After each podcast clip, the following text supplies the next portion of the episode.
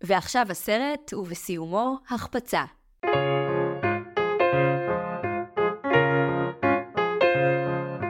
היי, אתם על דיסני פורמציה. אני זיו הרמלין שדר ואני משלים את כל סרטי דיסני עד שאני מגיע לגיל 30. הסרט שנדון בו היום הוא היפיפייה הנרדמת, בו צפינו בעברית, וקיבלנו אותו בזכות האורחת שלי. היא עורכת דין במקצועה, היא גם אם, היא קריינית, והיא הייתה המפקדת הכי טובה שהייתה לי בצבא. מאורי הירש, מה שלומך? מצוין, מה נשמע? המפקדת. זה הרבה זמן לא קראו לי ככה, אבל היום יש לי כבר טייטלים אחרים, אז זה יותר אימא אימא, אבל... אני מזכיר למי שמאזין שאנחנו מקליטים כאמור בחדר השינה שלי, ואני מרגיש שהייתי צריך להכין אותו למסדר, והוא מבולגן נורא. לא, לא, האמת שאני חושבת שבמציאות של היום זה לגמרי עובר. כן? כן, כן. מה הטעם בסדר בעצם, אם הכל כאוס? כן, הכל כאוס גם ככה בחוץ, ובחיים של כולנו נראה לי בימים האלה, אז, אז זה בסדר, זה עובר. טוב, למי שמקשיב אני גם מציין שמאורי ואני לא ראינו אחת את השנייה פיזית שמונה שנים. נכון. אז בעצם אה, אה, רמת העניין בסרט היום היא... מאוד אה, שולית, אבל אנחנו ננסה להיות נאמנים לקהל המאזינים שלך. ו... כן, כן, אני אוהב את זה שאת מניחה- שיש קהל מאזינים, זה כבר מצוין בעיניי. יופי, יופי. טוב, יש לנו מנהג כאן בהסכת, שאני אומר לנו זה בעצם לי, אבל אני אוהב להאשים קולקטיב במעשים הרעים שלי. כן. ישנו שאלון מהיר שצריך להשיב עליו, את מוכנה לשאלון המהיר? אני מוכנה לשאלון המהיר. אז פשוט נצלול דוך פנימה. כן. שאלה ראשונה, מה הטופ three שלך של סרטי דיסני? מלך האריות, מולן וחתולים בצמרת. להוציא את היפיפייה הנרדמת, כאילו, אז אלה, אלה השלושה שהם אה, הכי הכי מבחינתי. למה? אני חושבת שמשותף לשלושתם, זה שאת שלושתם ראיתי עם ההורים שלי בקולנוע. זאת אומרת, את כל סרטי דיסני שיצאו בשנות ה-90, תחילת 2000, ראיתי עם ההורים שלי בקולנוע, גם אימא וגם אבא ביחד. ונדמה לי שזה פשוט אה, זה, כי אם פשוט אחרי הסרט דיברנו הרבה על הסרט, וממש ניתחנו אותו ביחד, לא ברמה חופרת, אלא בשיחה של ילדה בתחיל, לקראת גיל 10 וקצת אחרי. אבל כל שיחה על הסרט וללמוד את מוסר ההשכל ממנו, וכמה חשוב להתנהג כמו X ולא כמו Y, או איזה לקח יפה לחיים, ובשלושתם אני חושבת שזה הכי זכור לי. אוקיי, אז נראה לי שזו תשובה מספקת. אנחנו עוברים לשאלה הבאה מיד וללא כל עיכובים. כן. שיר של דיסני שיותר אנשים צריכים לזמזם במקלחת שלהם? בהתחלה רציתי להגיד לך under the sea, אבל זה קצת לא, לא מקורי, כי, אתה, כי זה מים ואתה במקלחת וזה קצת, אה, קצת מגוחך. אז בחרתי דווקא בשיר הנושא של הסרט שעליו נדבר היום, שזה Once Upon a Dream, שהוא שיר חמוד ותמים. אה, והוא זכה להמון קאברים, דרך אגב, במרוצת השנים, גם בסרטים של דיסני שהם לא אנימציה, שלי כילדה, אגב, היה נורא קשה להבין שיש לדיסני לא אנימציה, אבל אה, זה שיר חמוד ומקסים ותמים, ואני בעדו. כל מי שדיברתי איתו על יפיפייה נרדמת אמר לי, "אה, השירים, ואז גם גיליתי שכאילו זה הרבה יותר מסובך כי הסרט פאקינג מבוסס על כאילו על הבלט של צ'ייקובסקי שאני לא ידעתי את זה בכלל. נכון, הוא מבוסס על הבלט של צ'ייקובסקי, ובאופן כללי הרבה מהנעימות שנמצאות בו, הן מיד מצלצלות מוכר כששומעים אותן. גם אם אתה לא יודע שזה צ'ייקובסקי או מישהו אחר, זה נעימות שנמצאות לדעתי, אם אתה הולך בפארקים, אה, פארקי שעשועים בעולם, ואם אתה מסתובב ומאזין למוזיקה קלאסית, ואם אתה, זה לפעמים גם under של אה, מוזיקת רקע, סליחה, אה, בתוכניות. אז אה, זה תמיד שם. אה, זהו, אבל עוד נחפור עליו תכף כשנגמור את השאלון. אה, אז נעבור בלי עוד היסוסים לשאלה הבאה. סרט של דיסני שהוא underrated. אה, האם אנחנו, אני מקווה שאנחנו מכלילים גם את פיקסאר, שזה של דיסני. מי שלא יקשיב על הפרקים של ההסכם. כן, אז, אה, אה, מבחינתי באג לייף הוא לגמרי underrated. אני חושבת שהוא איפשהו נעלם, אה, וזה אנימציה שלי כילדה מאוד מאוד אה, מוזר לעכל אותה, וגם הסיפור, וגם כי אני ממש לא סובלת חרקים, אבל זה עזר לי קצת להתיידד עם, ה, עם העולם הזה, אה, והוא סרט מקסים, ואני לגמרי אראה אותו לבת שלי כשיגיע הגיל המתאים. האמת שזו תשובה טובה, אנחנו בעיקרון אוסרים על פיקסאר, אבל אה, לא, אבל האמת שבאג לדעתי הוא לא הוזכר פה וזה דווקא אחלה בעיניי. כן. זה כשהם קראו לעצמם דיסני פיקסאר, אז אנחנו עוד, אה, אז אנחנו נחליק את ה... כן, כשפיק- כשפיקסאר עשו את הסרטים לבד ואז דיסני לקחו פאקינג קרדיט, כן, הסרטים כן, האלה לגמרי. טובים יותר. טוב, בסדר. אוקיי, אה, דמות אחת של דיסני שהיה מוטב ולא היו מוחקים לצמיתות מן ההיסטוריה? אמ, בסרט שבו צפינו, יש איזה מין עוזר מוזר אה, במפגש בין שני המלכים, שמשתכר... הטרובדור. כן, ומנגן על את המנדולינה, ואז דוחף את הראש למנדולינה, אז אני חייבת להגיד שלי זה פחות זרם, כשצפיתי בסרט. אז נגיד שהטרובדור האלמוני ללא שם, הייתי, הייתי, הייתי מזיזה אותו. יש לאחרונה מגמה בהסכת שמגיעות אה, אורחות ומדברות על זה שהן לא אוהבות באמת את ה sidekick ים המצחיקים, וזה כאילו? mind blowing, גם בשל- גם בשלגיה, שזה אותו שדה סמנטי של הסרט הזה, היה קטע נכון, כזה, נכון. והייתי כזה באה וואו, וואו. לא כולם אוהבים גמדים, סבבה. טוב, את עמדותיי לגבי אפיות אני אומר אחר כך, כן. אה, שאלוהים יעזור לכולנו. טוב, שאלה הבאה, אה, ברוח יאיר לפיד, מה הכי דיסני בעינייך? אמ, טוב, זה יאיר לפיד אה, של אה, אה, תחילת שנות האלפיים, השאלה כזאת. זה יאיר לפיד עוד מראיין את השרוף ואת אריק איינשטיין, לא כשהוא... אהבתי מאוד את. השאלה הזו, דרך אגב, שהוא שהיה שואל. אה, אבל הכי דיסני בעיניי זה גם הכי לא מקורי שלי, שזה לגמרי מיקי מאוס. אה, אני חושבת שהדמות הזאת היא, זה הכי דיסני שבעולם, והיא גם אגב, ספוילר קטן למי שלא יודע, שממש בעוד שלוש שנים, זכויות היוצרים על אה, מיקי מאוס, ועל עוד כמה דמויות, ועל עוד, ועל סרטים ממש ממש ישנים של דיסני, הולכות לפוג. ואז הדמות הזו יוצאת לנחלת הכלל. בעוד שלוש שנים, פורנו של מיקי מאוס בכל מקום. או, יפה. אז זה, זה בדיוק אחד הדברים שמאוד מטרידים בהקשרים האלה, דווקא, את- דווקא את בעלי זכות היוצרים, שלא יהיה שימוש אה, לא ראוי, אפשר לומר, או, או, או באמת שפשוט יחרב דמות שאתה יודע, יצרה כאן משהו שהוא מאוד אה, קלאסי ונקי, ויש לזה הרבה שיקולים.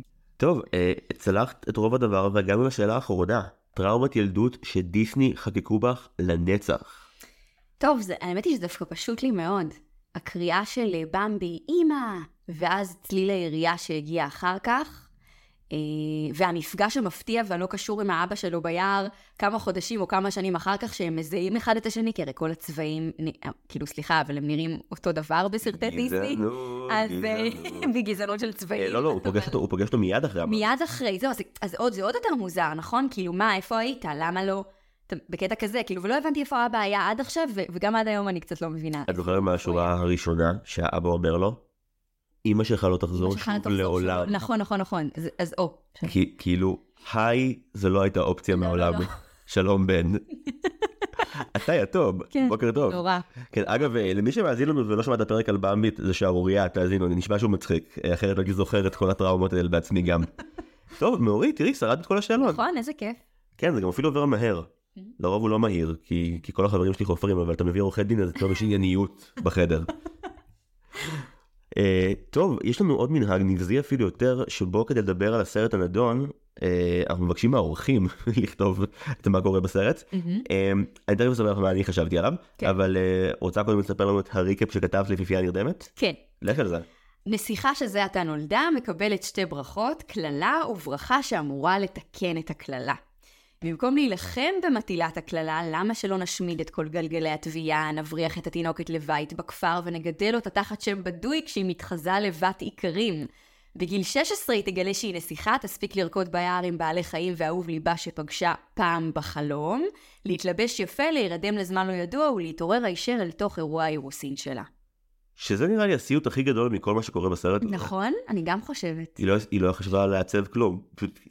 לא היה, כן, לא היה לה DIY לעשות, לא היה לה שום, שום, שום בעיות על הראש, אבל אה, גם על המפגש המוזר, כאילו, איתו ועם ההורים שלה, אנחנו נדבר, אבל... אה, זהו, אבל אה, אוקיי, אני שנייה שאלה לזה. אני אשמח לשמוע על החוויה שלך כ... כמבוגרת שראתה את יפיפייה נרדמת מול הצעירה שאהבה את זה בילדותה. כי אני בטוח שהיו כמה פערים די גדולים. אני זוכרת שספציפית את הסרט הזה, ממש, ראיתי עם אימא בקולנוע, אני זוכרת איפה זה היה. אתה, אנחנו גם יל, ילדי אה, שנות ה-80 וה-90 בטח זוכרים שפעם היה מכשיר וידאו, והקלטות היו מגיעות, היה לוקח להן זמן להגיע, עד שה, אחרי שהסרט יוצא בפער ניכר, לא כמו היום. ואימא שלי הזמינה לי את הקלטת הזאת מראש, ואני חיכיתי, אני מניחה שזה היה כמה שבועות, אבל חיכיתי חודשים, זה הרגיש לי כמו שנה. ואני עד היום זוכרת שאת היום שבו הקלטת הגיעה עם אימא מהעבודה, והיא הייתה בטלפון עם אבא שלי, ואני ממש נדנדתי לה שתוציא כבר את הקלטת מה, מהשקית, והיא אמרה לו, טוב, אני חייבת לסיים, מאורית תכף יולדת בגלל הקלטת הזאת. ואני עד היום זוכרת את זה, זה משהו אחד. דבר שני, זה שהיפיפייה נרדמת עבורי כדמות, בזמנו הייתה נטו דמות שהיא פשוט יפה, עם שמלה מהממת שגם אני רוצה כזו, ברמה שגם, אגב, שוב, אימא שלי זה מוטיב חוזר סביב הסרט הזה, כי היא, פשוט חוותה את זה יחד איתי, אה, היא ישבה ותפרה לי. די. תחפושת, לא, לא ברמה שאמרתי לה, תעשי לי גם את הכתפיות המשוננות של השמלה שלה, אבל אה, היא תפרה לי את התחפושת. אני חושבת אבל שכשצפיתי בזה עכשיו שוב, זה היה לי פשוט סרט שאני באמת לא יודעת איך אני אתווך אותו לבת שלי, כשאני אצפה בו יחד איתה, אם היא תרצה לצפות בו, שוב, כי היום ילדים הרי קצת אה, מתחמ... לא יודעת אם מתחמקים, אבל הם פחות אה, ניגשים לסרטי דיסני, יש כל וואי, כך הרבה דמיינתי סרטים אותך אחרים. רודפת אחריה בבית, יובל, את חייבת לראות עכשיו. את חייבת לשבת איתי ולראות את זה. אה, אני חושבת אבל שיהיה לי נורא קשה לתווך לה את הסרט הזה, כי אני חושבת שבאמת מה, ש... מה שעשו שם מאורורה, זה פשוט נסיכה שצריך לגונן עליה כל היום, צריך לשמור עליה, היא לא מתמודדת עם...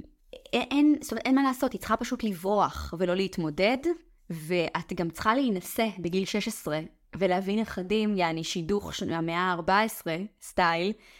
כן, זה חתיכת אה, דיסוננס פתאום לראות סרט שאתה אומר, אתה יודע, אני אומרת לאיתי, בן הזוג שלי, כן, אנחנו אני הולכת לדבר על יפיפייה נרדמת, והוא כל כך אהבתי את הסרט הזה, ואז אני רואה אותו ואני אומרת, וואו, מה הבנתי אז בגיל 6 ומה אני מבינה היום בגיל 31. ומה נשאר לך מזה בתוך המוח עד היום? כלומר, הגיבורה שלך הייתה הדמות השולית ביותר בסרט שקרוי על שמה, אבל אני אכלתי כמה כאפות כשצפיתי ביפייה הנרדמת.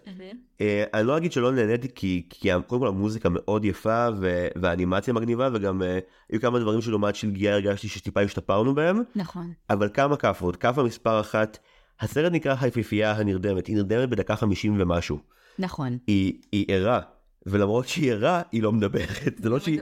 אני הנחתי שהיא לא מדברת, אוקיי, היא ישנה כל הסרט, אני מבין למה אין לה הרבה שורות. לא, היא הנסיכה שיש לה הכי מעט שורות, יש לה משהו כמו 18 שורות נכון. דיאלוג בכל הסרט. נכון. היא פותחת לראשונה את הפה בדקה 20 וסוגרת אותו בדקה 40, היא שרה אחר כך, אבל היא לא מדברת לא בכלל. נכון. יש לה 20 דקות גרייס. כשהיא מדברת היא לרוב גם בוכה קצת ברקע. כן, אבל זה, זה אין לי ביקורת. כאפה מספר 2 בהקשר הזה, הסרט לא עוסק בה, הסרט עוסק בשלוש הפיות הסתומות שאמורות לגדל אותה, ועושות עבודה איומה ונוראה, נכון. וזה מצלק לחלוטין. והדבר השלישי שהכי שבר אותי, היא כאילו בנקר ליידי, כאילו עם האנשים האלה שכאילו חטפו ושמו בתוך ממ"ד. 20 שנה ואז הם כזה יוצאות החוצה, יש כל מיני סיפורים כאלה מבחינת ה nineties, יש נכון. תמיד כזה נשים שכזה נעלמו לאיזה כת מסתורית ויצאו, נכון. אז כאילו, אורורה אמנם לא ישנה רוב הסרט, אבל היא, היא לא רואה בני אדם, גם מי שמגדל אותה הוא לא אנושי, ואז היא נרדמת ומתעוררת כשכל האנשים בעולם נמצאים ומסתכלים עליה בארמון ומחייכים. במציאות, היא הייתה חוטפת מהרגע הזה שהיא מתעוררת לתוך החתונה שלה, התקף חרדה וטראומה שכאילו 20 פסיכולוגים לא ירפאו אף פעם. לעולם. ואני רואה את כל זה ואני כאילו, זה מה שקורה ביפיפייה נרדמת.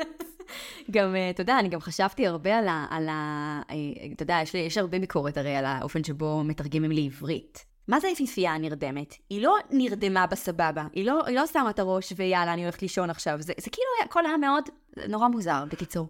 ממש, וגם אתה כאילו, אתה לא ממש בעד אף אחד מהאנשים שאמורים להציל אותה. כי הנסיך הוא דמות מאוד בעייתית, מאוד. ואפיות, כאילו מגיע יום הולדת טוב, אנחנו נגיע לזה אחר כך, אני אתאפק, אני אשלוט בעצמי. יש לי הרבה, יש לי הרבה, הרבה מה לדבר איתך. כן. אה, טוב, בואי ננסה ללכת בערך לפי הסדר. אה, יש לנו, כמו שאמרת בשאלון, שיר פתיחה באמת יפה. אני סאקר של כל המקהלות דיסני של ההתחלה, תמיד זה... אה, את בטוח נהנית. אם יש לי את ההרמוניות, אני, אני נולדתי לפיפטיז בעצם, את לא רואה, אבל uh, זהו. Uh, כמו בשלגיה וגם בעתיד בשרק, אה, יש לנו אה, ספר בהתחלה שבו נמצאת האגדה. נכון. דיסני התקדמו ב-20 שנה מאז שלגיה, הפעם יש קריין לספר ולא צריך נכון. לקרוא לבד, תודה רבה. נכון, נכון, פגעת בנקודה חשובה. אני משתדל, שמת לב, שאני אני חושב, אם אני טועה, סליחה למאזינות ולמאזינים, אבל הספר הוא live action. הספר. מצולם. הספר הוא מצולם, יש בו תנועה, אתה לגמרי, זה מאוד חדשני. הסיבה שזה נראה כל כך טוב זה כי זה פחות או יותר הסרט האחרון שדיסני באמת הפיק בעצמו ועודד בעצמו אז הם שפכו עליו הרים של כסף אה, וזה כמעט מוטט את האולפן היפיפייה הנרדמת הוא הסיבה שלא נעשו סרטי אגדות של דיסני 30 שנה אחר כך. וואלה, וואי, זה כבוד יש לי שבחרתי בסרט הזה. כן אחרי זה יש כאילו צום של 30 שנה ואז בת הים הקטנה הוא כאילו מחזיר את, ה... את הנסיכות אה, לפוקוס. כן, מעניין. ומאז אי אפשר לעצור אותם ממחר הזה אבל היה היה break של 30 שנה מנסיכות. כן. אנחנו מגלים את הסיפור שדי מזכיר בעצם את הסיפור של פלונתר אה, שמגיע מלא אחר כך שגם יש לנו הורים שרצו מלך ומלכה רצו ילדה או ילד פחות. כן לאחר ממלכות וגם שיהיה להם ילד או ילדה מלא זמן. ואז נולדה אורורה אלילת השחר מה שמיד גרם לי אה, לקפוץ ולהגיד היי כמוני כי גם אה, לי קראו זיו מסיבות דומות. קליט יותר מאורורה לדעתי כן. אבל בסדר. אה, ויש יום חג וזה שהיא נולדה, ואז מגיעה המסיבה הגדולה. המסיבה הגדולה שאני חושבת שקורים שם כמה דברים. קודם כל, כולם נורא, עומדים נורא נורא שמחים בחוץ, כל האורחים, שאגב, שמת לב שכל האורחים כולם לבושים בהידור, כאילו, כאילו כולם מאותו מעמד? כן, וגם כאילו כולם מאותה עדה שאני לא בטוח מה, מה היא. נכון, כולם ראינו אותו דבר. הדמויות מאוד חדות ב, ב, באופן שציירו אותם, מאוד... אה, כל מי שהוא לא המלך או המלכה, או המלך והמלכה האחרים, נראה כאילו מהמזרח ולא מהמערב, בקטע משונה קצת. כן. לא הבנתי משהו, את זה. משהו, משהו מוזר קצת, גם אם תשים לב, גם כשכל ה... כשהדמויות הראשיות מדברות או עושות משהו, כל, הרק, כל הקהל ברקע קפוא. הם לא זזים, לא קורה איתם שום דבר, שזה גם אגב משהו... אה, זה, זה, זה, נקרא אנימטורים מותשים. אנימטורים מותשים, אבל ברמה שאין שום תנועה מאחורה, כאילו אתה, אתה נמצא על פלקט. אה, אני מניח שגם הצופים הזה בנו על זה שהם לא יהיו כאלה מתוחכמים כדי לחפש כל הזמן. לחפש, כן. כשבגלל שבחרנו בגרסה העברית, אז כשהעם שר לאורורה אה, בריאות נאחל לה אושר ושפע, זה היה מאבק על אנושי להבין מה הם שרים. וואי, רציתי לומר לך גם, שצפיתי בסרט עם איתי, בן הזוג שלי, ולא הצלחנו להבין מה הם שרים גם. זה היה כזה רק כאילו מלא כאלה שאתה לא מבין מה, מה באמת נאמר, קצת כמו באופרה, שאתה לא באמת מבין מה הם שרים לפעמים, נכון? כן. לא הבנתי, גם. גם כשהאפיות מברכות, ותכף נדבר על זה, כאילו, מה לעזאזל בחרתן לברך, אבל בסדר. אתה לא מבין מה, מה נאמר שם. לא, ואני חושב שזה קטע חוזר, כן גדלתי לפיטר פן, ואני יודע ששופריר זכאי כשזה מגיע לדיבוב אה, של הגבוהים. כן, יש כזה כמה כזה שרים גבוה, אז נכון. כאילו, אז זה נורא מדויק, אבל הדיקציה כאילו מתה בדרך. כן, כן. אין לך מושג מה הם שרים. לא שהטקסט נשמע נורא מעניין, זה כאילו מה אנחנו מאחלים לאורורה, מה כבר יש לאחל לאורורה, כן. מוות בייסורים, מה נאחל לה, כאילו, שתחיה בסדר הילדה. זהו, אז אה, מגיע אה, המפגש הראשון בין הנסיך פיליפ ואורורה, fucked up לגמרי, שמראים ילד בן חמש, מסתכל על תינוקת ואומרים לו, זאת תהיה אשתך. זאת תהיה אשתך. אה, תשמע, זה גם מיד זרק אותי למוסד השידוכים שקיים במגזרים כאלה ואחרים עד היום, אבל וואו, לא, לא, לא, איפשהו הדחקתי את זה כנראה. כילדה, זה היה נראה לי כזה, כנראה, אולי כילדה זה גם היה נראה לי legit, שכאילו, איזה יופי, נסיך ונסיכה, ושתי הממלכות התאחדו, ואיזה יופי, אבל וואלה לא. לא, וכאילו שני הדברים דפוקים. מה, מהפן השידוכי, להגיד לילד בן חמש, היא, אתה הולך להתחתן איתה ולעשות איתה ילדים כזה, אה, אלוהים ישמור. ומהפן הפוליטי, כאילו, זה מה שאורורה צריכה אחרי שהיא לא ראתה בני אדם 16 שנה לשמוע עד דרך אגב כל תהליך השלום תלוי אך ורק באח להסדיר בלק. תתחתנו. אלוהים אדירים. לא שהיא דמות שגוררת כל כך הרבה אמפתיה מהצופה אבל עדיין כאילו סיפור רקע מחריד. כן. אז זהו יש את, ה, את הרגע הפדופילי הקטן הזה עם פיליפ ואורורה ואז הפיות הטובות באות. מאוד אהבתי שלפיית מזג האוויר קוראים מרי ווטר. כן. זה היה. אני חי על הדברים האלה. כן. מגיעות כמו שאמר בתקציר אה, הברכות אה, ראיתי את זה עם. אה, עם בת הזוג שלי סיגל ועם אה, חברי בן אורגר שהתארח פה בפרק חתולים בצמרת, צפינו בזה ביחד, וכשהתחילו הברכות הראשונות עוד לפני ההגעה של מליפיסנט, אז, אה, אז גם סיגל וגם בן צעקו, אה זה כמו השבע ברכות. שכאילו יש ברכה ואז יש נאמבר של שעה שבו האורחים נכון. מתים לאכול והם לא אה, יקבלו. אז תיאור מעולה, דרך אגב, זה תיאור מעולה. אני חושבת שאגב, הברכה הראשונה שהם אומרים זה מתנת היופי. ואז אתה אומר לעצמך, אוקיי, בסדר, אז נקווה שלצד יופי יהיה עוד משהו שהוא קצת נותן גם נפח לדמות, נכון? קצת, מה, מה קורה, אולי גם תביא עבור חוכמה אחר כך. אה, שוב, כי ילדה, כל הזמן אני נעה בין שני העולמות האלה, בין היל, הילדה שצפתה בסרט לבין מאורי ההורה שצופה בסרט. ההורה שגם כאילו מבין ככל שהסרט מעמיק שיהיה מאוד מאתגר להראות את זה לבתך בת השנתיים מתישהו. נכון, נכון, ממש ככה. ואני אומרת לעצמי, אוקיי, אז הנה, אולי ואז יש את השיר הלא ברור שאנחנו לא מבינים מה הם אומרים עם, עם האנימציה הפסיכדלית המשוגעת. איך אני אוהב שנשארו להם שאריות מאליס, שהם עדיין חייבים, אין סיבה שיהיה טריפ של 40 כן, שניות, כן, אבל יש. זה ממש נראה כמו רגע של מישהו, זה תיאור מעולה, ממש תיאור מישהו, מישהו בטריפ. כי האימג'ים, אני לא מבין למה יש לי פתאום ספינה באמצע נמל. כן, כן, כן, לא קשור, ואז היא יושבת גם על חלון כשנותנים לה את מתנת השירה, זו המתנה השנייה, הברכה השנייה.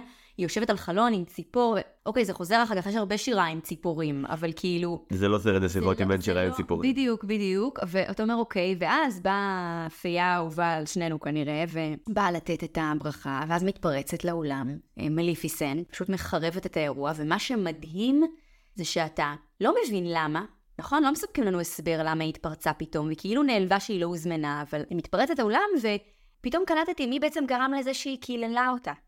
מי גרם לזה שהיא קיללה אותה? מי הוביל לזה בטמטומו? וואי, הדרמה פה באולם בית המשפט בעיצומה. אני מרגיש לך לספר לי מי הרוצח, מי הרוצח? אז מי שהובילה לזה, הרי היא נכנסה ואמרה, וואו, איך לא הוזמנתי, משהו כזה. ואז, אה, ואז היא אמרה, טוב, היא אומרת, אז אני אלך מכאן, והיא באה ללכת עם העורב שלה, שגם עליו נדבר, המפקף המסכן הזה. דיאבלו, כן. כן. אימא שלו עוצרת אותה ואומרת, אני מקווה שאת לא נעלבת. ואז אומרת לה, נעלבת? מה פתאום? אבל את יודעת מה? אני אתן ברכה משלי. ואני אומרת, אלוהים ישמור, לא יכול להיות בשקט? כן, שתצא, מאו- שתצא, שתצא מאולם הנשפים. מה, מה, מה, מה את מייצרת עוד שיחה? לי, לי עבר בראש שהדבר הזה שתיארת עכשיו זה כאילו הנימוסין של האימא בקטע של כאילו אצלנו בעדה חושבים שאם אומרים משפט כמו אבל אל תיעלב או אל תיפגע אז נפתרה הבעיה. כן. כן אבא שלי חי על זה כאילו. אתה ילד מאוד רגיש אני מקווה שאתה לא נעלב. לא עכשיו עכשיו עכשיו שציווית שציווית עליי לא להיעלב אני ממש סבבה עם הכל עכשיו. אני ממש מקווה שלא אכפת לך שאני מנכיחה עוד פעם את זה שלא הוזמנת לעומת כל העיקרים שפה וכן וכן הוזמנו. וגם עשית כזאת דרך מה... מההר הירוק. מההר הירוק שחור האפל שלך, שעד שבאת לפה, אבל אוקיי. ואז אתה בעצם, אה, אתה בעצם עד לרגע הקללה שהיא באמת, אה, יש בה כמה אלמנטים. הרי יש שם רגע שבו היא אומרת, אה, את תגיעי, את תחי באושר והכל יהיה סבבה. ואז בגיל 16, תדקרי מהמחט של גלגל התביעה, שגם עליו תכף נדבר, ככלי שהוא מאוד, יש לי המון מה להגיד עליו, כל מיני היבטים. אה, למה? תכף נגלה מה, מה, מה, מה מקורו של גלגל התביעה ומה הוא מסמל, ומעניין שדיסני בחרו בכלי הזה בסרט הזה. אוקיי. אבל היא, היא תידקר ותמות. ואז, אתה יודע, את כאילו מגיעה אפי, ואז היא יוצאת בסערה, ועולה בסערה השמיימה או וואטאבר, וכל הקהל נותר המום, קפוא או שלא קפוא, נותר המום, וה, אה, ואז מרגיעה הפייה הוורודה ואומרת, אל תדאגו, יש עוד ברכה. ואז מה אתה, אוקיי, תגיד לי אתה, מה אתה היית מברך במקום מריוות'ר כדי לנסות לעכל את הדבר הזה? אה, יש אופציה כאילו של control Z שזה כאילו. אוקיי אז שמה שאמרו לך קודם אז זה לא יקרה. בדיוק, נכון? כאילו פשוט לבטל, או פשוט לה, נגיד להגיד משהו כמו, אה, אני יודעת, אה, בוא ניתן לך אה, עייפות כרונית, ולא תרדמה, ש, שתהיה תלויה בנשיקה ממישהו שבאמת אוהב אותך. אני מת על זה שזה כאילו באמת כשמגיעות שלוש אופיות זה אפיית הזאת שמביאה את היופי אפיית מתנת השירה ומתנת הלופ הול אז הנה כל הדרכים להיחלץ מהטיפשות כן. הזאת. אז- ואז פשוט זה נגמר ב, אוקיי, אז אה, אכן תרדמי, אבל, אבל זה לא תהיה, זה לא יהיה מוות, זאת תהיה תרדמה שתוכלי להתעורר ממנה מנשיקה של מישהו שיאהב אותך. שזה גם כאילו קוסם כמה כמה לא מקורי אפשר להיות ראינו את שליה השיט הזה עבד נכון. לפני אה, עוד פעם עוד פעם נשיקות. עוד פעם בדיוק, זה כאילו די. אגב, כל הבנים שיושבים בקהל עכשיו רוצים למות. ילדים בני 7 ו-8 שומעים כאילו את החרא הזה שכזה, אבל דרך אגב, שוב, נשיקה, וכל הבנים לא. לא, עוד פעם זה התפקיד שלנו, שוב זה מה שאנחנו צריכים לעשות. אם הייתי, אם הייתי בגיל 10 והייתי רואה לנסיכה צריכה להרוג דרקון, הייתי נגנב על זה.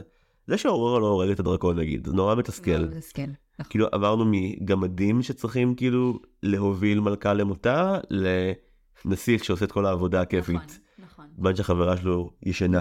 שאגב, הם, בסיפור המקורי מסתבר, קראתי, יש שבע פיות, ודיסני היה חם אש, שגם פה יהיו שבע, ושספציפית השלוש האלה שהיו פה, יהיו זהות במראה שלהם, והאנימטורים נאבקו בחודשים שזה מקסים. שישחרר את זה, שהם יראו כן עם כל אחת עם אישיות משל עצמה, בסוף זה נהיה שלוש פיות ו- ועם אופי שונה, למרות שעדיין לי היה מאוד קשה להבדיל ביניהן, כאילו, כי יש את האחת שמבשלת גרוע והאחת שתופרת גרוע, אבל מעבר לזה, כאילו, אין שם מישהי שהיא כאילו סמכות הורית לא מחורבנת, הם כולם בדיוק. מאוד לא כאילו טובות. למרות שאתה כן מקבל את הרושם שהפייה הוורודה היא כאילו האינצ'ארג' שם על הדברים, אבל הכחולה היא עד היום, אה, לדעתי, גם כילדה אני מאוד אהבתי אותה. כי הם אצלי, א', הם יצרו שם פייה שהיא לא דוגמנית, נכון. שזה, יש בזה, אגב, מה שאמרת הרגע, שזה מתחבר לי עכשיו אה, מאוד מאוד יפה. וגם כי מאוד אהבתי את העקשנות שלה, מאוד אהבתי את ה, כאילו את הטראבל מייקר שהיא, שהיא מנסה להיות uh, בפעולות שהיא עושה. אנחנו רואים את זה לאורך כל הסרט, עד הרגע גם שבו היא מחשפת את העורב ולא מוותרת עד שהיא uh, מאבנת אותו. Uh, יש, בדמו, יש בה, בדמות הזאת מסרים מאוד מאוד חשובים, בעיניי. הדפוס החוזר שאני הבחנתי בו בסרטים של דיסני זה כבר הסרט ה-18 שאני רואה, ורק לנשים היותר מלאות מותר לעשות צחוקים. אתה נוגע בנקודה סופר חשובה, וגם כאן הרגשתי את זה. זה נכון. למרות שגם לגב, גם לאבא של, אה, של פיליפ, דרך אגב. יוברט, שהוא הדמות האהובה עליי בסרט. שהוא דמות מצוינת, גם הוא אה, אדם מאוד מאוד גדול, מאוד. גם הסבו תשומת ליבי לכך שאם הסרט לשיחות הבא אחרי יפיפייה נרדמת זה בת הים הקטנה, אז בשני הסרטים יש לך גיבורה שבאמת אין לה קול. נכון. בין אם כי היא ישנה או בין אם כי יש קללה, כאילו, זה, נש... זה, זה דימוי מאוד טרגי. ואת אומרת לעצמך, כאילו הם היו מודעים למה זה אומר, אבל זה לא היה בקטע של בוא נהפוך את את הגיבורות למשהו שהוא פסיכי, זה נכון. בואו נדבר על כמה זה לא בסדר, אבל הם יישארו להיות משעממות בצד. ואגב, אחרי שראיתי את הסרט אתמול, אני לא חושב שאורורה חסרת ייחוד, אני חושב שאורורה היא הנסיכה, מאלה שראיתי לפחות בינתיים, הכי טראומטית. אורורה לא פגשה בני אדם 16 שנה, זה דפוק ברמות על, הפיות הן לא, הן אנושיות. התחזו לב- לבנות אדם. בדיוק, אבל, אבל אין להם מושג איך לעשות כל דבר שהוא לא קסם. איך מלא לראות אנשים בכלל, היא פוגשת אדם ראשון שמטריד אותה מינית באמצע היער. חד משמעית. בטירוף. אמרתי לאיתי שצפינו בזה, זה לא היה עובר היום בחיים. לא, זה ממש הטרדה, ו- ואחרי שהיא כבר עוברת על זה ומתאהבת בו כי היא לא ראתה אף יצור אף פעם מהמין שלו, אז אוקיי בערך, וגם הוא חתיך, אז הוא גם שר יפה. הוא שר יפה. כן. אז מגיעה הטראומה והיא נרדמת, כאילו לא חסרות הטראומות, ואז היא מתעוררת וכולם מסתכלים עליה. אז תראה, אני חוזר על זה כל הזמן, פשוט אני נורא, הייתי מאוד נסער כשצפיתי בזה, כן, וכאילו, כן. איך את מחייכת ויורדת במדרגות והולכת להתחתן, היא משוגעת, כאילו את צריכה ללכת לצרוח לתוך כרית. להורים או משהו. כן, היית אמורה לקפוץ מהחלון ולמות, צריכים להבין שהם עשו טעות שהם שלחו אותך לבידוד ביער. אגב, כל האווירה, כל הפטריארכיה הזאת שאנחנו בעצם אה, רואים בסרט הזה בכל מיני היבטים, גם באופן שבו מה שאתה תיארת עכשיו, וגם אה, במוסד השידוכים. אגב, גלגל התביעה שהזכרתי קודם, זה כלי שהוא מאוד מאוד מאוד נשי. רק נשים במאה ה-14 שבו מתרחש הסרט הזה, וגם במאות שאחר כך, היו אלה שעבדו על גלגל התביעה. עכשיו אתה, אז אתה אומר, וואלה, מכל הכלים שבאמצעותם אורורה הולכת אה, למות או להיכנס לתרדמת, תלוי באיזה שלב אנחנו נמצאים, זה הכלי. יש בזה אמירה, חיפוש פשוט של גלגל תביעה, אחד ההסברים הראשונים שיש לכלי הזה, שהוא כלי נשי. ומה שמדהים אגב בהקשר הזה, שבהתמודדות שלהם, אנחנו פה כבר מתקדמים בעצם לשלב הבא של הסרט, שבהתמודדות באיך נפתור את הבעיה, נכון? אז, אז הפיות בעצם מתחיליתות שהן אה, יציעו להורים אה, להבריח אותה לכפר. עצמה, השלב המקדים שהמלך עושה הוא לתת צו שמחייב את שריפת כל גלגלי התביעה אה, בעיירה הזאת. ואז אתה אומר לעצמך שני דברים. אחד, ברצינות, זה הפתרון שלך, ושתיים, איך תתלבשו. כאילו, מה, מה תעשו בעצם כשאין לכם גלגלי תביעה? יש, ולא היו, לדעתי לא היו מכונות תפירה במאה ה-14. לא, לא היו, לא נראה לי לא היו. נראה לי נולים. או נעולים. אה, אז זה מהלך מאוד מאוד אה, טוטאלי ו... ומעניין, שאגב, שוב, זה, זה חוזר לאותו מקום של לברוח מהבעיה ולא להתעמת איתה. ממש, וזה גם מסביר לי למה התיאוריה שהייתה לי והייתה שגויה קרתה. אני ראיתי את הסרט ושרפו את כל גלגלי התביעה ואז אמרו כזה אוקיי אבל היא צריכה להירדם הרי איכשהו ראיתי איך, מה הכותרת של הסרט היא אמורה לישון איך זה יקרה. ויותר מאוחר בסרט אה, היא מקבלת כתר. אמרתי אה וואו יכול להיות שהיא תיגע בכתר. והיא תוקע. לא כן ראיתי, נראיתי אחד והייתי כזה אה וואי מגניב הכתר יפיל אותה. ואז אה לא לא לא לא הכתר עף הצידה יש יש גלגל תביעה חדש ובחושה אף היא הולכת אליו כאילו. אם טעיתי לרגע לחשוב שסמל פטריארכלי כמו כתר של מלך זה משהו שהיא יכולה להידקר ממנו אז אה, סתום את הפה זיו. כן, כאילו, כי אל תדאג, אנחנו נדאג לזה. אה, ואז בעצם, מה שצריך אגב גם להבין בסרט הזה, מדובר הרי בסרט של שעה ורבע. אתה עובר 16 שנה בגלימפס. כאילו, כן. זה פשוט קורה. באיזשהו שלב איתי אומר לי, רגע, רגע, רגע, עברו 16 שנה? אה, ואז אתה פשוט מגלה שהן אשכרה. שלוש הפיות הללו לקחו אותה לכפר. בידוד מוחלט. בידוד מוחלט, את לא פוגשת אנשים, תלקטי לנו תותי בר אה, או מה שזה לא יהיה. וזה המקסימום שאת עושה ואת לא מדברת עם אף אחד? שזה מטומטם רצח כי כולנו היינו בחדר בזמן שמליפיסט אמרה ביום הולדתה ה-16 למה אתם מבודדים אותה 16 שנה שזה לא הזמן שבו היא אמורה להידקר מכלום. נכון. הם סתם לקחו אותה ליער. נכון, סתם, לא ברור לי, לא ברור לי מה, מה הסיפור. אמ, ואז אה, פשוט אנחנו, בעצם אנחנו צוללים הישר אל, אל יום הולדתה. וקורים שם כמה דברים מאוד מאוד מוזרים. גם אפיית עוגה מאוד לא מוצלחת, וגם האפייה, גם התפירה של השמלה במקביל. כי נזכיר לה, המאזינים שלנו, שהן בעצם אה, החליטו שהן לא משתמשות במטה הקסם, והן בעצם בכל ה-16 שנים הללו כפיות, כי הן לא פיות, הן עכשיו מתחזות לנשות כפר, והן מחליטות לעשות הכל לבד. שזה באמת, אני, אני כמובן הטמטום של הסקשן הזה בסרט, 16 שנה הם לא נגעו בשרביט, ואת אומרת לעצמך, אנחנו לא, הגיבורות לא עד כדי כך מפגרות כדי שהם ישתמשו בשרביט דווקא ביום האחד שבו נאמר בפני מאות אנשים שהיו כן. עדים לסצנה, זה היום האחד שבו מוטב שלא תעשו שום דבר. זה. כן. זה, זה מוציא מהדעת. אה, יותר מזה, ראית, את, את, את לא נראית לי טיפוס, לא ראית סרטי אימה, לא. שמעת אבל על סרטי יעד סופי. אה, האמת היא שיעד סופי הראשון אני צפיתי בו במסיבת פיג'מות בכיתה ז'. אני עד היום זוכרת את הצרחות בחדר. סצנה מאוד ספציפית בסרט הזה. שמה? היה משהו בחדר האמבטיה, שמישהו שם מחליק או, או נופל, משהו, משהו באמת נוראי, משהו, וקורה שם משהו לעין שלו, משהו מזעזע. אבל איך זה קשור? איך ראית את הדמיון? כי היפיפייה הנרדמת זה פרקטיקלי יעד סופי. אה, לנסות לגבות את החוב. אני יודע שיש גלגל תביעה שאמור לקחת ממנה את זה, הם העלימו את כל הגלגלים מהממלכה, הם הבריחו אותה לגלות, איך בכל זאת זה יקרה, ואגב בהקשר הזה התשובה לא מספקת. איך זה יקרה? קסם. כן, סתם, בדיוק, כי אין לנו מטות קסם, נכון? כאילו על פניו אנחנו צריכים להתמודד לבד עכשיו, יש בלי לנו מטות. גלגל קסום בחדר מומצא שמליפיסט שמעולם לא- האדריכלית מייצרת ברגע. שאגב, נראה גם בדיוק כמו, כמו גרם המדרגות בטירה האפלה של מליפיסנט. זאת אומרת, לרגע יש לך רגע של בלבול, רגע, איפה אני? זהו, היא כאילו העבירה אותה בפורטל למקום כן, אחר, אנחנו בפיפטיז עוד לא עשו דברים כאלה בדיסני אז.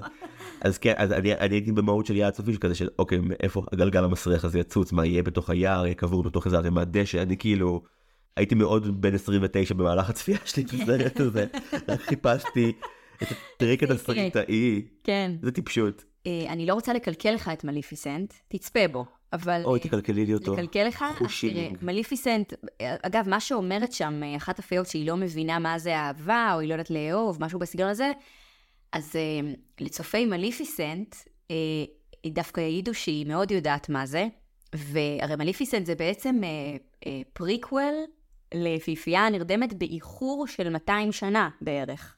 אה, כי במליפיסנט אתה בעצם רואה את כל המניעים והסיבות שהובילו לכעס המאוד גדול של מליפיסנט על, אה, על המלך סטפן. אה, ואחת הסיבות, בין היתר, זה כי הוא אחראי לזה, או, או בעצמו, אם אני לא טועה, זה שקצץ לה את, ה, את הכנפיים, למליפיסנט היו כנפיים.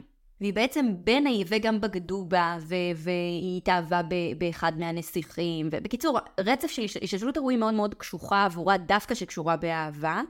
אה, שגרמה לה אה, לכל הכעס הזה ולשנאה הזאת של לבוא להתפרץ לאולם ולהטיל קללה. אז אז היא מאוד מבינה מה זו אהבה, וזה מעניין שתיקנו לנו את זה, דיסני, כעבור הרבה מאוד שנים. שזה קטע, כי אז אנחנו חוזרים לנקודת האפס שבה הפיות סתומות ולא טובות בשום דבר, ואפילו הניתוח של האופי של מליפיסנט שהם עשו הוא לא נכון בדיעבד. לא, לא לנתח, בט- כאילו אתה אומר, אה, לא, לא, לא יודעות לנתח, אז הם בטח לא ידעו אה, לאפות עוגה ו, ולתפור שמלה ולנקות את הבית. שזה כאילו עלבון מאוד גדול לנשים בפיפטיז. נכון. היא לא יודעת לאפות. אגב, גלגל. צפייה, נכון, נכון.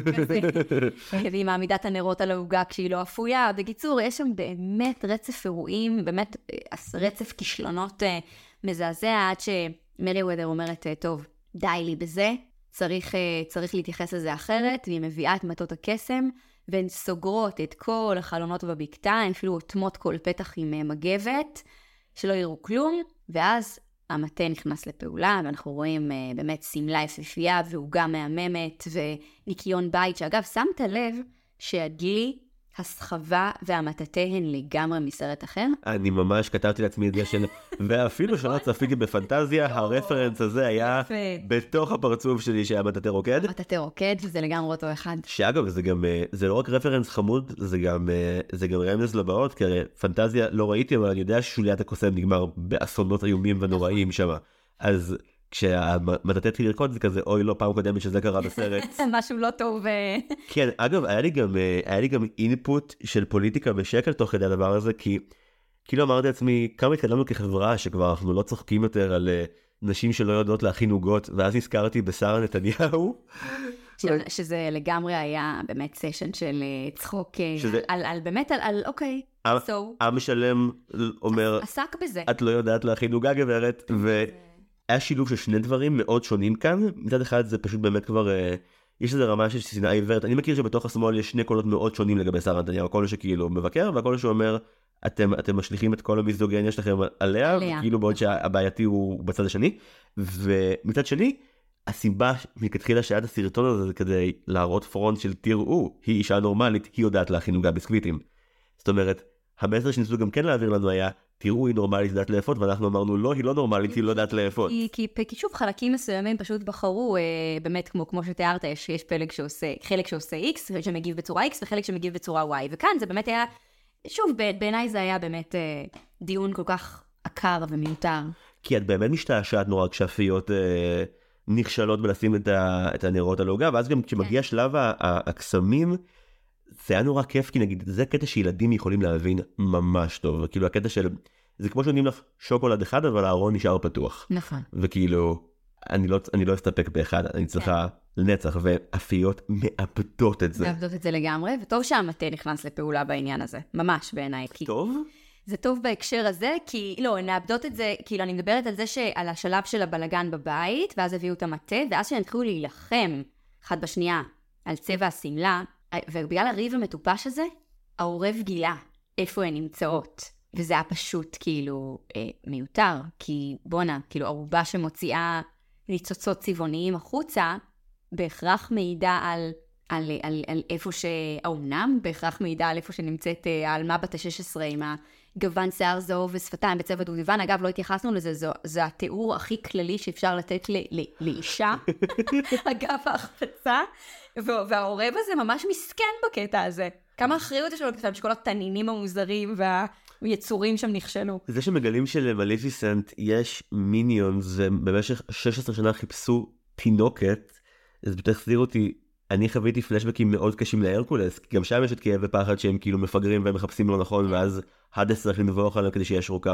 אז- אגב, אותי זה זרק למקום אחר, אותי זה זרק, הסצנה הזאת דווקא זרקה אותי למלך האריות, לסקאר והצבועים. כי את ראית מלך האריות. אז תצפה ואתה מיד תמצא את הדמיון. בזמן, אגב, משהו שנראה לי שכשהעורב מגיע והוא באמת מגלה איפה היא נמצאת, היא, הרי אורורה בדיוק, אה, לא, לא ציינו שאורורה בעצם נשלחת על ידי הפיות אה, ללקט אה, תותי בר ועוד עוד איזה משהו, ואומרת להם מה, אבל כבר עשיתי את זה אתמול, והן אומרות לה את חייבת, את חייבת וזה, וזה הכל כדי להכין לה את אותה הפתעה של שמלה ועוגה, והיא אה, בעצם אה, יוצאת לטיול ביער, שאנחנו אה, אנחנו לא יכולים שלא לדבר עליו.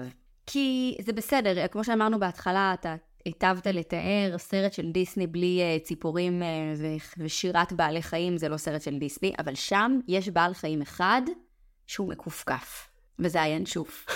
שהוא מקסים, אבל הוא פשוט אוכל מהם סטירות, לא יודעת, ואז מלבישים אותו בבגדים של הנסיך, הוא עובר משהו מאוד מאוד בעייתי, וגם הארנבים שמקפצים במגפיים שהם כמו איזה מסכן, כמו מסכנים כדי לעמוד בקצב. זה מרגיש כאילו כל פעם, כזה פעם בשנתיים, אז החיות כזה של אה, חיות היער משל גיאה ובמבי מגיעות למילואים מבאסים בדיסני.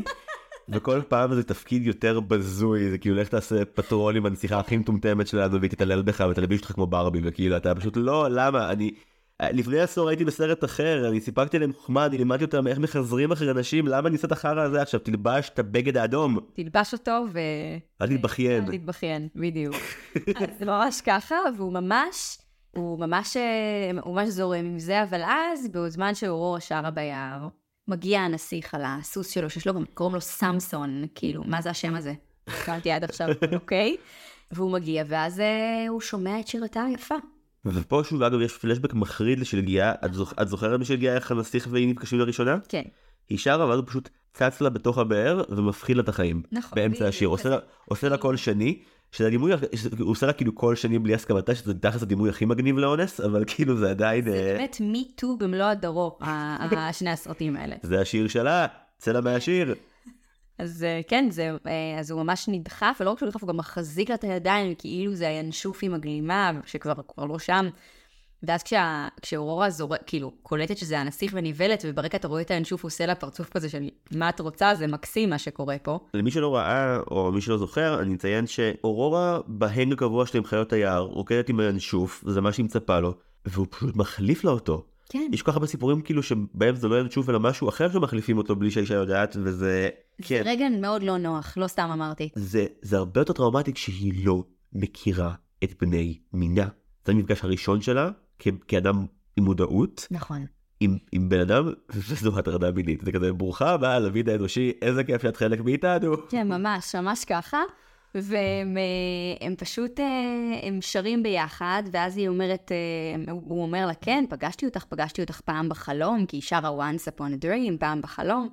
והיא משתפת את חיות היער בזה שהיא פגשה בחלום בן זוג, ובהתחלה זה נשמע כאילו היא פגשה אותו באמת, ואז היא מדייקת ואומרת שזה היה כי היא חלמה את זה. הוא בעצם צוטט לשיחה שלה. לגמרי. ואז חזר ושטף את המוח כאילו הוא באמת קיים לה בתוך המוח. באמת קיים ופגש, ולרגע, לרגע שאלנו את עצמנו, איתי ואני, רגע, מה? כי מתי הם נפגשו? כאילו זה היה כזה רגע שאתה לא מבין מה פספסת, ואז אתה מבין שאה, אוקיי, זה, זה היה בחלום, בסדר. הקטע שהם כן נפגשו כשהיא הייתה תינוקת, אבל אז לנו כצופים לא הראו את הפנים שלה. נכון, היא הייתה פשוט הריסה.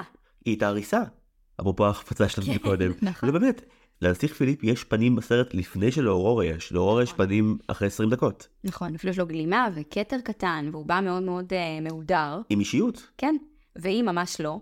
והם פשוט, uh, הם מסתכלים גם, אגב, הם מביט, מביטים אל, ה, אל הארמון, uh, מתוך היער, שגם, אגב, שמת לב שכאילו מהיער עד הארמון, כאילו אין בתים של עוד אנשים? זה תמיד ככה, לפחות, תראי, שוב, אנחנו בשדרוגים בשלגיה, בשלגיה עוד לא היה עם. דיברו על הממלכה, אין אף אחד. כאן יש עם שאנחנו, כמו שאמרנו קודם, אנחנו לא יודעים איזה עם, עם כלשהו יש, אה, אבל להביא להם בתים, הגזמת, עפת על הטיול שלך. כן, כן. אז, אה, אז הם נפרדו בדרמטיות ביער, כאילו בלי שום פרטי קשר, ביער, שם, יש שם איזה בקתה. היא, היא אומרת לו במקטע שבעמק, וכאילו מין כזה בהצלחה עם הווייז. כן, בדיוק, כאילו. לא נתת לו את הפייסבוק שלך, לא נתת לו את הכתובת, כלום, כאילו, רוץ. כן, אז uh, משם העורב הולך לספר למליפיסנט כמובן הכל. הולך לספר לה הכל, אה, ומאותו רגע אנחנו בעצם רואים איך אה, יש היערכות אה, שכולה מובילה אותנו לזה שהיא תיתפס. בעצם גם מבשרים לאורורה כשהיא חוזרת הביתה ונפעמת מהשמלה ומהעוגה ומקבלת את המתנות ומגלה באותו, באותה דרך שהיא מבינה שהיא בעצם נסיכה, והן בעצם באותו לילה כבר חוזרות לארמון איתה והיא מכוסה במין שכמיה כזאת כי אסור שיראו אותה, שוב לא הבנתי מי, מי, מי, מי יראה אותה או לא יראה אותה, אין לי מושג, אבל שלא יראו, שלא יגלו. דווקא ביום הזה אתם מובילים אותה. בקיצור, כל מה שאמרת קודם על הבידוד אה, הרבה זמן שלא לצורך, זה בדיוק זה. אותי גם העסיק זה שבחרו לה שכמיה כחולה, ותגידי כמה זמן הם רבו על מה יהיה צבע השכמיה, שאיתה היא תסתתר בדרך. תואם או לא תואם בדיוק. והן הולכות הולכות לארמון, ואז בעצם קורה פה רצף אירועים קצת לא ברור, כי הן בעצם צריכות להכין, לשים, להכין אותה באיזה חדר התארגנות כזה, כמו חדר חתן כלה כזה. והסרט אומר, למה שאני לא אעצור עכשיו עלילה פוליטית שעד כה לא היה לה שום מקום בשביל עשר דקות. נכון. של דיונים פוליטיים בין גברים שמקבלים מלא טקסט. נכון, מלא טקסט על הממלכה, ואבא של, אבא של אורורה, שהוא המלך סטפן, ו, ואבא של פיליפ אה, יוברט. שהוא דמות. שהוא דמות באמת אה, מאוחדת מאוד. למה אנחנו אוהבים אותו? Go אני to. חושבת שהוא פשוט הכניס לשם אקש, הרבה אקשן וקצת אה, סיפור מסגרת אה, שהוא לא רק הנסיכה והנסיך, וכאילו גם השיקולים של ההורים, וגם מה שמעסיק אותו כאבא. שוב, השיח ביניהם היה בעיניי מחריד. כל הנישואים האלה הם באמת, אה, הם הסכם שלום מאוד מפוקפק בין הממלכות. כן. שבו הכל יוצא נטו לילדים, וגם הסרט בוחר לפתור את זה בכך שהוא פשוט מסדר מלא מזל. נכון. הפוקס הוא שהם מתאהבים אחד בשני, אחרת כאילו מלחמה תפרוץ. מלחמה תפרוץ, וגם כאילו מכל האנשים הוא באמת פגש אותה. את זאת, ש... את זאת שהוא הולך להינשא והוא פשוט לא מודע. אגב, הוא גם לא מודע לזה עד אותו רגע שבו, טוב, תכף נגיע לזה, אבל הוא לא מודע לזה עד שלב מאוד מאוחר בסרט, אותו אה, פיליפ, כי אין לו שום סגירת מעגל בסיפור הזה, שזו אכן אורורה. זה מהלך שקורה בהמון, אה, בהמון כזה קומדיות אה, צרפתיות של התיאטרון, כזה, בהמון מחזות של מולייר, אז תמיד ההסתבכות היא כזאת שיש זוג שצריך להתמודד עם זה שההורים, לרוב אחד האבות לא מרוצה מהסידור, זה קורה גם בתרטיף, גם בקמצן, ו- והזוג צריך לעבור אה, שבעה מדורי גיהנום בעזרת המשרתת החכמה כדי לגרום לקשר להסתדר. וכאן... למרות שזו אגדה שהיא בכלל מהמאה ה-17 והיא מאוד דרמטית ואפלה, אז המבנה הזה גם מתקיים באיזשהו מקום כאן, כי בעצם יש לך קומדיית טעויות עם קצת כזה פיות רעות ברקע. נכון. אבל בסופו של דבר, כמו שאמרת, פיליפ לא מגלה אף פעם, וזה גם חלק מהקומיות, כאילו הוא לא מבין איזה בלאגן הבחירה האמיתית. יש לו על הראש, כן. כן. עצרנו ברגע שבו היא... היא נמצאת בחדר, ומכינים אותה, ומעניקים לה כתר, ומתחילה לבכות עוד פעם שהיא לא רוצה את זה, כי יש גבר אחר, שהיא לא יודעת שזה אותו אחד, שיעיר אותה עוד, עוד עוד 15 דקות. היא גם לא מבינה על מה היא מדברת, היא לא מבינה מה זה אומר להתחתן, או מה זה להיות בתוך מה זה להיות? אינטראקציה עם בן fucking אנוש. אדם, כן. בן אדם באופן כללי, בן ובן אדם. אה, הפיות, כמו, ש, כמו שתיארת קודם, זו באמת קומדיה של טעויות, והן פשוט מאותו רגע מתחילות לפשל, או שוב, ברצף של סצנות, כי היא, אה, אה, אורורה פשוט אה, נשארת רגע לבד בחדר. שוב, בפעם השנייה איך, איך בהולדתה. מישהו משאיר אותה לבד? בואי גם שנייה נקפוץ רק באמת לעשר שניות אחורה. איך מלכתחילה שלחתם אותה להיות לבד ביער ביום האחד שבו אמרו לכם שלא. תהיה לבד. 16 שנה שתסתובב בממלכה, תפגוש את כולם, יהיה סופר כיף, ואז יום הולדת 16, אולי יומיים לפני זה ביטחון, קחו אותה רחוק ואל תזוז, תקשרו אותה לעמוד. ממש. זה, זה היום זה לסלק היה- אותה. זה היום, לא, זה היום לשמור עליה, וזה לא קורה. לא. ואז היא פשוט, כמובן, כ- ככל, ככל סרט אה, דיסני, מפ- מפציעה דמות, אה, במקרה הזה מליפיסנט, בתוך האח, ופשוט אה, מכשפת אותה, כי פתאום היא מתרוממת מה, מהשולחן שהניחה עליו את הראש בעצבים, אה, אה, אורורה, ונהיית ירוקה, קמה ומאופנטת, מחושפת בעצם ללכת אחרי הכדור הירוק שהוא מליפיסנט. היא עוברת דרך הקיר, ועולה בגרם מדרגות. אתה רואה את שלוש הפיות מגיעות, ואומרות, אוי, לעולם לא אסלח לעצמי, איזו טעות. no shit, כאילו, מה את אומרת? באמת? עוד פעם זה קורה לך? והן מנסות ל- ל- עם המטה לפתוח את הקיר, והן עולות דרך הקיר, ואז פה איתי אמר לי משהו נכון. הוא אומר לי, למה הן עולות ברגל במדרגות? הן עפות.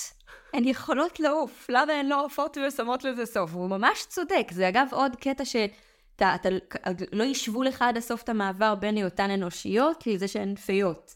אה, ואז היא פשוט מחושפת אל עבר גלגל התביעה שהזכרנו בהתחלה שנוצר יש מאין. היא פשוט אה, נופלת ארצה ונרדמת והפיות מגיעות ומגלות את זה too late, ואכן מליפיסנט קוראת להן טיפשות, ומה חשבתם לעצמכן שאת... כן, כתב- כתב- כתבתי לעצמי בהערות כזה שלוש טיפשות תמימות. נכון, מליפיסנט. נכון.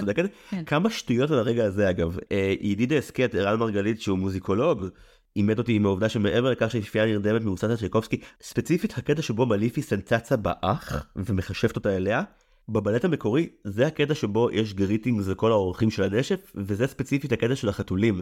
המוזיקה המרושעת והמפחידה אה, איזה קטע. והערמומית זה פשוט המוזיקה שבה מלווה כניסה של חתול לתוך במה באופרה. מעניין מאוד. אוקיי, לא ידעתי את זה. מעניין שזה זה מה שנבחר כ... מכל בעלי החיים.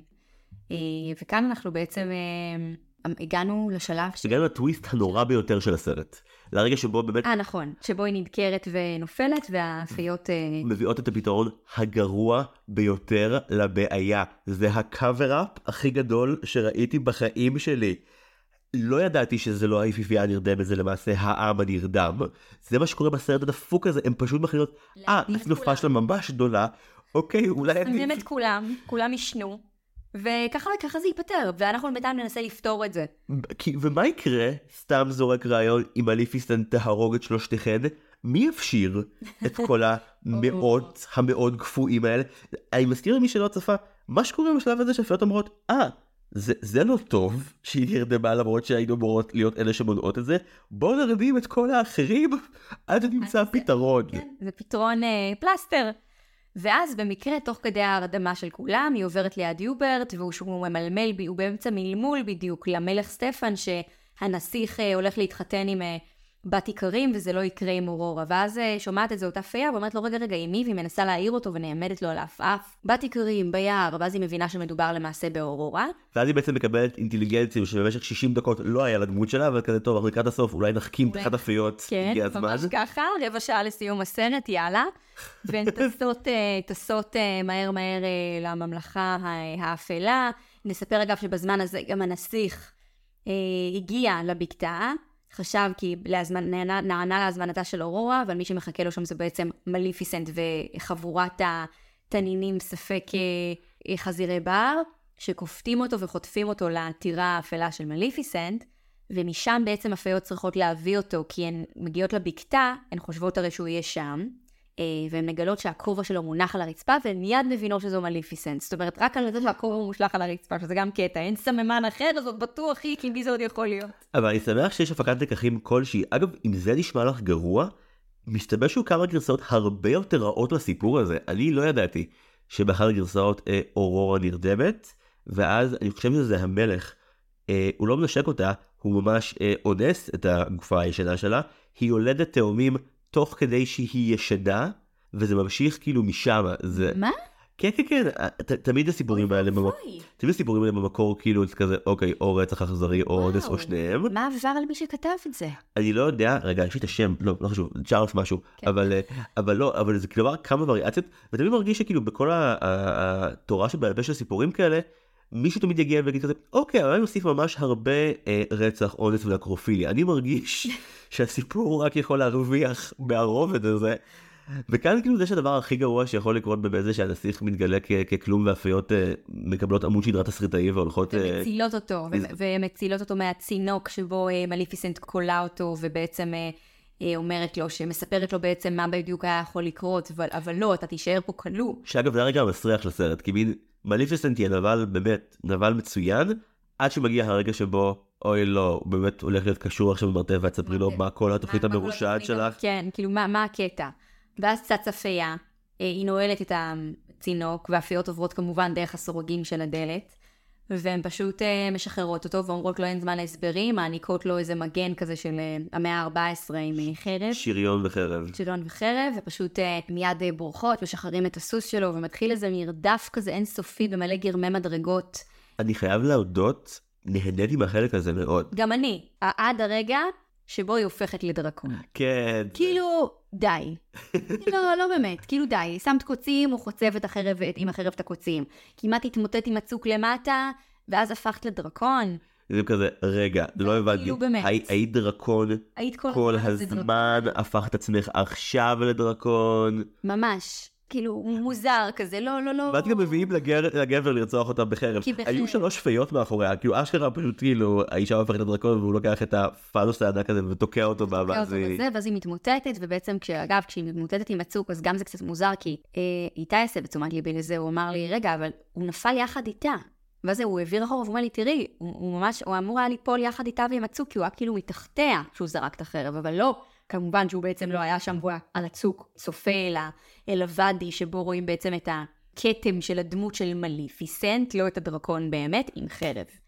ואז הוא רץ אל הארמון, והוא מגיע לנסיכה, ומנשק אותה אחרי, כאילו, מי יודע כמה זמן שהיא ישנה, שזה מאוד לא אסתטי. כן, כן, כן, הבל הפה של אורורה זה מה שהעסיק אותה. לא, לא, לא, לא כשיקול מרכזי, אבל אתה אומר, וואו, כאילו, 16 שנה. יפה שאת מנ- שאת מניחה שהיא כן צחצחה שיניים ביער. 16 שנה שהיא חיה, וזמן שאנחנו לא יודעים כמה, כמה היא באמת ישנה, אנחנו בעצם לא יודעים, אפקט הזמן מתבטל, זה נראה כאילו כמו כמה שעות, אבל כמה זמן היא ישנה, אנחנו לא יודעים. אני מניח שזמן בעצם די קצר מה שהופך שוב את הכותרת של הסרט למאוד אידיוטית. זה בעצם תפנית בסוף המערכה השנייה שמחזיקה, מה, רבע שעה של סיפור מתוך שעה ורבע? כן. אורורה באמת מאוד טרגית כי היא פותחת את הפה כמו אמרנו בדקה ה-20 של הסרט היא סוגרת אותו בדקה ה-40 היא איכשהו הצליחה להרוויח שני שירים ב-20 דקות האלה שזה סחטיין רב. זה יפה מאוד כדמות שחיה ב- במציאות הזאת של, אה, של נסיכות שותקות. כן תשאירי מהר כי תכף כאילו שוב נסתום לך את הפה.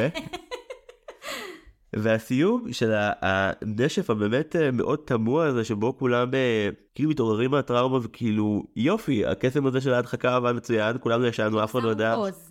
כן אז אף אחד לא יודע כלום וכאילו כל מה שבסרט הזה שמצריך באמת אה, אה, אנליזות וטיפולים פסיכולוגיים אינסופיים פשוט מודחק הצידה בנוחות של המאה ה-14 כשגם האבל אגב בתוך הדבר הזה האבל של ההורים שלה גם לא מקבל שום מקום. נכון. הלאימו להם את הילדה ל-16 שנה. התרחיש שבו המלך והמלכה, אחרי שהם ציפו לילד כל כך הרבה זמן, ומה, פעם אחת הם לא גנבו ביקור ליער? פעם אחת? פעם אחת אין מצב, הם גם רואים אותה, הרי בתחילת הסרט רואים את הפיות מגניבות אותה והם צופים עליהם מה, מהחלון שהן הולכות, ואמרו, והקריין שם אומר "בכ- בכאב לב אה, גדול נאלצו אה, לענות להצעת הפיות, וזה פשוט הזוי, כאילו את רצה, היא כולה רצה, הם משתחווים, רצה לאימא ומחבקת אותה, ו- ועם האבא אין שום, אין שום חיבוק, by the way, ואין כלום מעבר לזה. כאילו-. רוקדים. וגם הפיות סבבה כי הם עשו פאוז ברגע הנכון על הסיטואציה. ו- ורק הדמות האחת שהעזה לקדם ו- ולהרגיש פגיעות היא זאת שמתה בסוף. כן. יש פה איזה מניפסט מאוד קשה על כל הרגשות שמותר גם לנשים וגם לגברים להפגין וזה מעט מאוד. נכון. גברים צריכים לחסל. מאוד אה, מחולק היטב בין המגדרים. כן, זה למשעי. והדיון הקטן באמת שמתקיים ברקע עוד על איזשהו אופל או איזשהו כאב, מודחק הצידה כי בעצם הכל בסדר, אין טראומה. מה יקרה עכשיו עם ההורים שלה? אבא שלו חיבק אותה בסוף, יכול להיות שכאילו הוא לא כל כך יודע איך לאהוב את הבת שלו כי הוא לא יודע איך זה להיות הורה כי הוא בעצם מעולם לא תפקד בתור הורה. מצד שני, הוא, מצד שני ראינו איך בשיחה בינו לבין האבא של אה, פיליפ, הוא מאוד אה, עומד על זכויותיה של בתו, במושגים שלה, במונחים של המאה ה-14. כן, זה מה ששבר לי את הלב, כי הרי השורה, אם אני לא טועה, השורה האחרונה בסרט הוא שאחת האופיות אומרת, איך אני אוהבת סוף טוב. נכון. וכל מה שהיה לי בראש זה, הוא לא טוב. לא. הוא לא טוב, הוא לא טוב, אין לך מושג מה הולך לקרות פה מחר. הוא לא, הוא לא. היא הולכת לישון לילה ראשון במיטה מלכותית, ולא בפסקה שהיה לה שם במקטע. את לא מבינה מה הולך לקרות לך, את לא מבינה כמה קשוח מה שהולך לקרות. הריון. הבחורה הזאת לא יודעת איך זה לשחק עם אבא שלה בפריזי, מדברת איתי על לשים לה ילד בבטן עכשיו, כשיש לה מנטליות של בת תשע, כי היא אף פעם לא חונכה בשום מקום, כי היא הייתה באקסטרני ביער עכשיו 15 שנה, אני קצת מאוד נסער מהסוף הטוב. כן, ממש. ואנחנו חוזרים שוב לספר החמוד, זה כזה הסוף, תשמחו כולכם. אני קצת שמחתי שלא ראיתי אותו בתור ילד, כי גם מבוגר היה לי מעניין בטירוף לראות כן. את כל האישוז. אתה מסוגל להבין אה, דברים שילד לא. וכילד, אני אגיד לך מה, כילד הייתי בדיוק כמו אפייה. אהבתי סוף טוב, סימון של סוף טוב היה לי מספיק, לא הייתי צריך יותר מזה. רק שאף אחד מהטובים לא מת, ו... נכון. שהגיבור קיבל מה שהוא רצה, לא מה שהוא צריך, מה שהוא רצה, והכל טוב. ו... וכאן, יש לנו בבית שלושה אנשים מבוגרים באחת וחצי בלילה מדברים בלהט, ויפיפייה נרדמת, ובטירוף. וואו, נורי, אה, עוד דברים שתרצי את לומר על החוויה הכאוטית שעברנו פה ביחד ולחוד? האמת היא שזה היה ממש שיעור טוב מבחינתי, על אה, לחשוב על באיזה אופן אני, או להתחיל לחשוב על איך, איך בדיוק אני הולכת לתווך סרטים, מסרים כאלה, אה, לבת שלי, שוודאי תרצה לראות את זה, אני, יש לקוות, אבל, אה, כי זה בסוף, זה, זה, זה לבסוף נכסים תרבותיים שצריך לצרוך אותם, צריך לראות אותם, זה לא רק ידע כללי, זה גם, זה גם באמת... העשרה שכל אדם צריך לקבל, בין אם, הוא, בין אם הוא אוהב את הסרט ובין אם לא, וזה בסדר, כי הנה, ראית, ניהלנו פה שיחה על משהו שהוא כולה סרט של 75 דקות, אה, אבל תראה, תראה כמה זה מייצר. למה זה חשוב? למה זה נכס?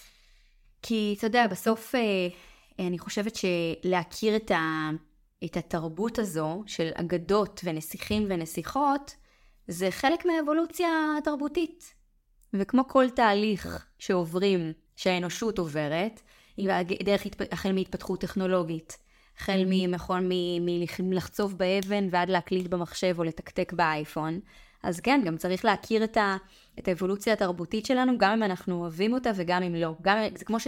אה, כן, יש דברים שצריך לראות אותם באיזשהו שלב של החיים. לא יודעת כמה מוקדם, אבל כן. אני שומע את כל מה שאת אומרת, וזה נשמע לי כמו לבת שלי לא יהיה פומו, מה לא ברור לך, היא תכיר הכל. אז אני כבר אגיד לך שיש לה כזה, אני רואה את זה עליה, זה גם, זה גם הילדים של היום, יש להם פומו, אני רואה את זה, זה, זה מובנה, כי, מה זה מובנה? הם לא נולדים עם זה, אבל הם נולדים לתוך מציאות שיש כל כך הרבה גירויים בחוץ, וכל כך הרבה דברים שאתה רוצה שהם יראו וילמדו, גם כי אתה רוצה וגם כי הם רוצים הרבה, אה, אז זה שם בכל מקרה. טוב, אני לא יכול אגב לטעון שום דבר נגד זה, כי בואי תראי מה אני כבר עושה עם החיים שלי חצי שנה, חוץ מלעצור את הפורמו של כן, כאילו 30... אתה עושה אבל דבר חשוב, תהיה בטוח. יש, מישהו מכיר. בשיחה בארוחה המשפחית הבאה עם, אה, עם אבא שלי זה יהיה כזה מה זאת אומרת אני עושה המון עם החיים שלי. כל סרט דיסני אני רואה אני גם מתעד. אה, וואי מאורי הירש איזה כיף שבאת. אני קצת מזועזע מזה שכאילו אחרי שמונה שנים זו הפגישה שלנו. אבל תראה איזה פגישה. אה, כן.